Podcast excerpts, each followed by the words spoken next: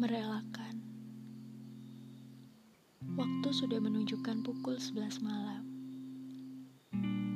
Aku masih terbangun dengan sebuah angan. Tidur dalam sebuah bayang. Berselimut dengan kegelisahan.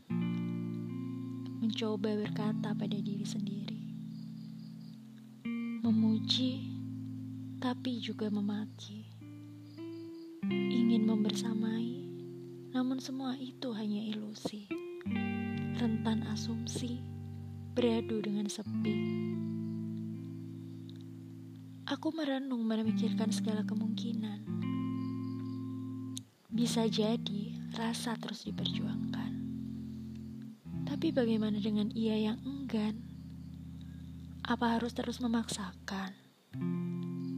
Menurutku, perasaan tidak melulu tentang sayang yang mendalam. Apalagi ketika semua penuh dengan ketidakpastian. Sudah lama kami melangkah berlawan arah. Aku dengan takdirku, dia dengan jalannya. Sekarang sudah saatnya untuk melepaskan. Merelakan adalah bentuk patah hati paling menyenangkan.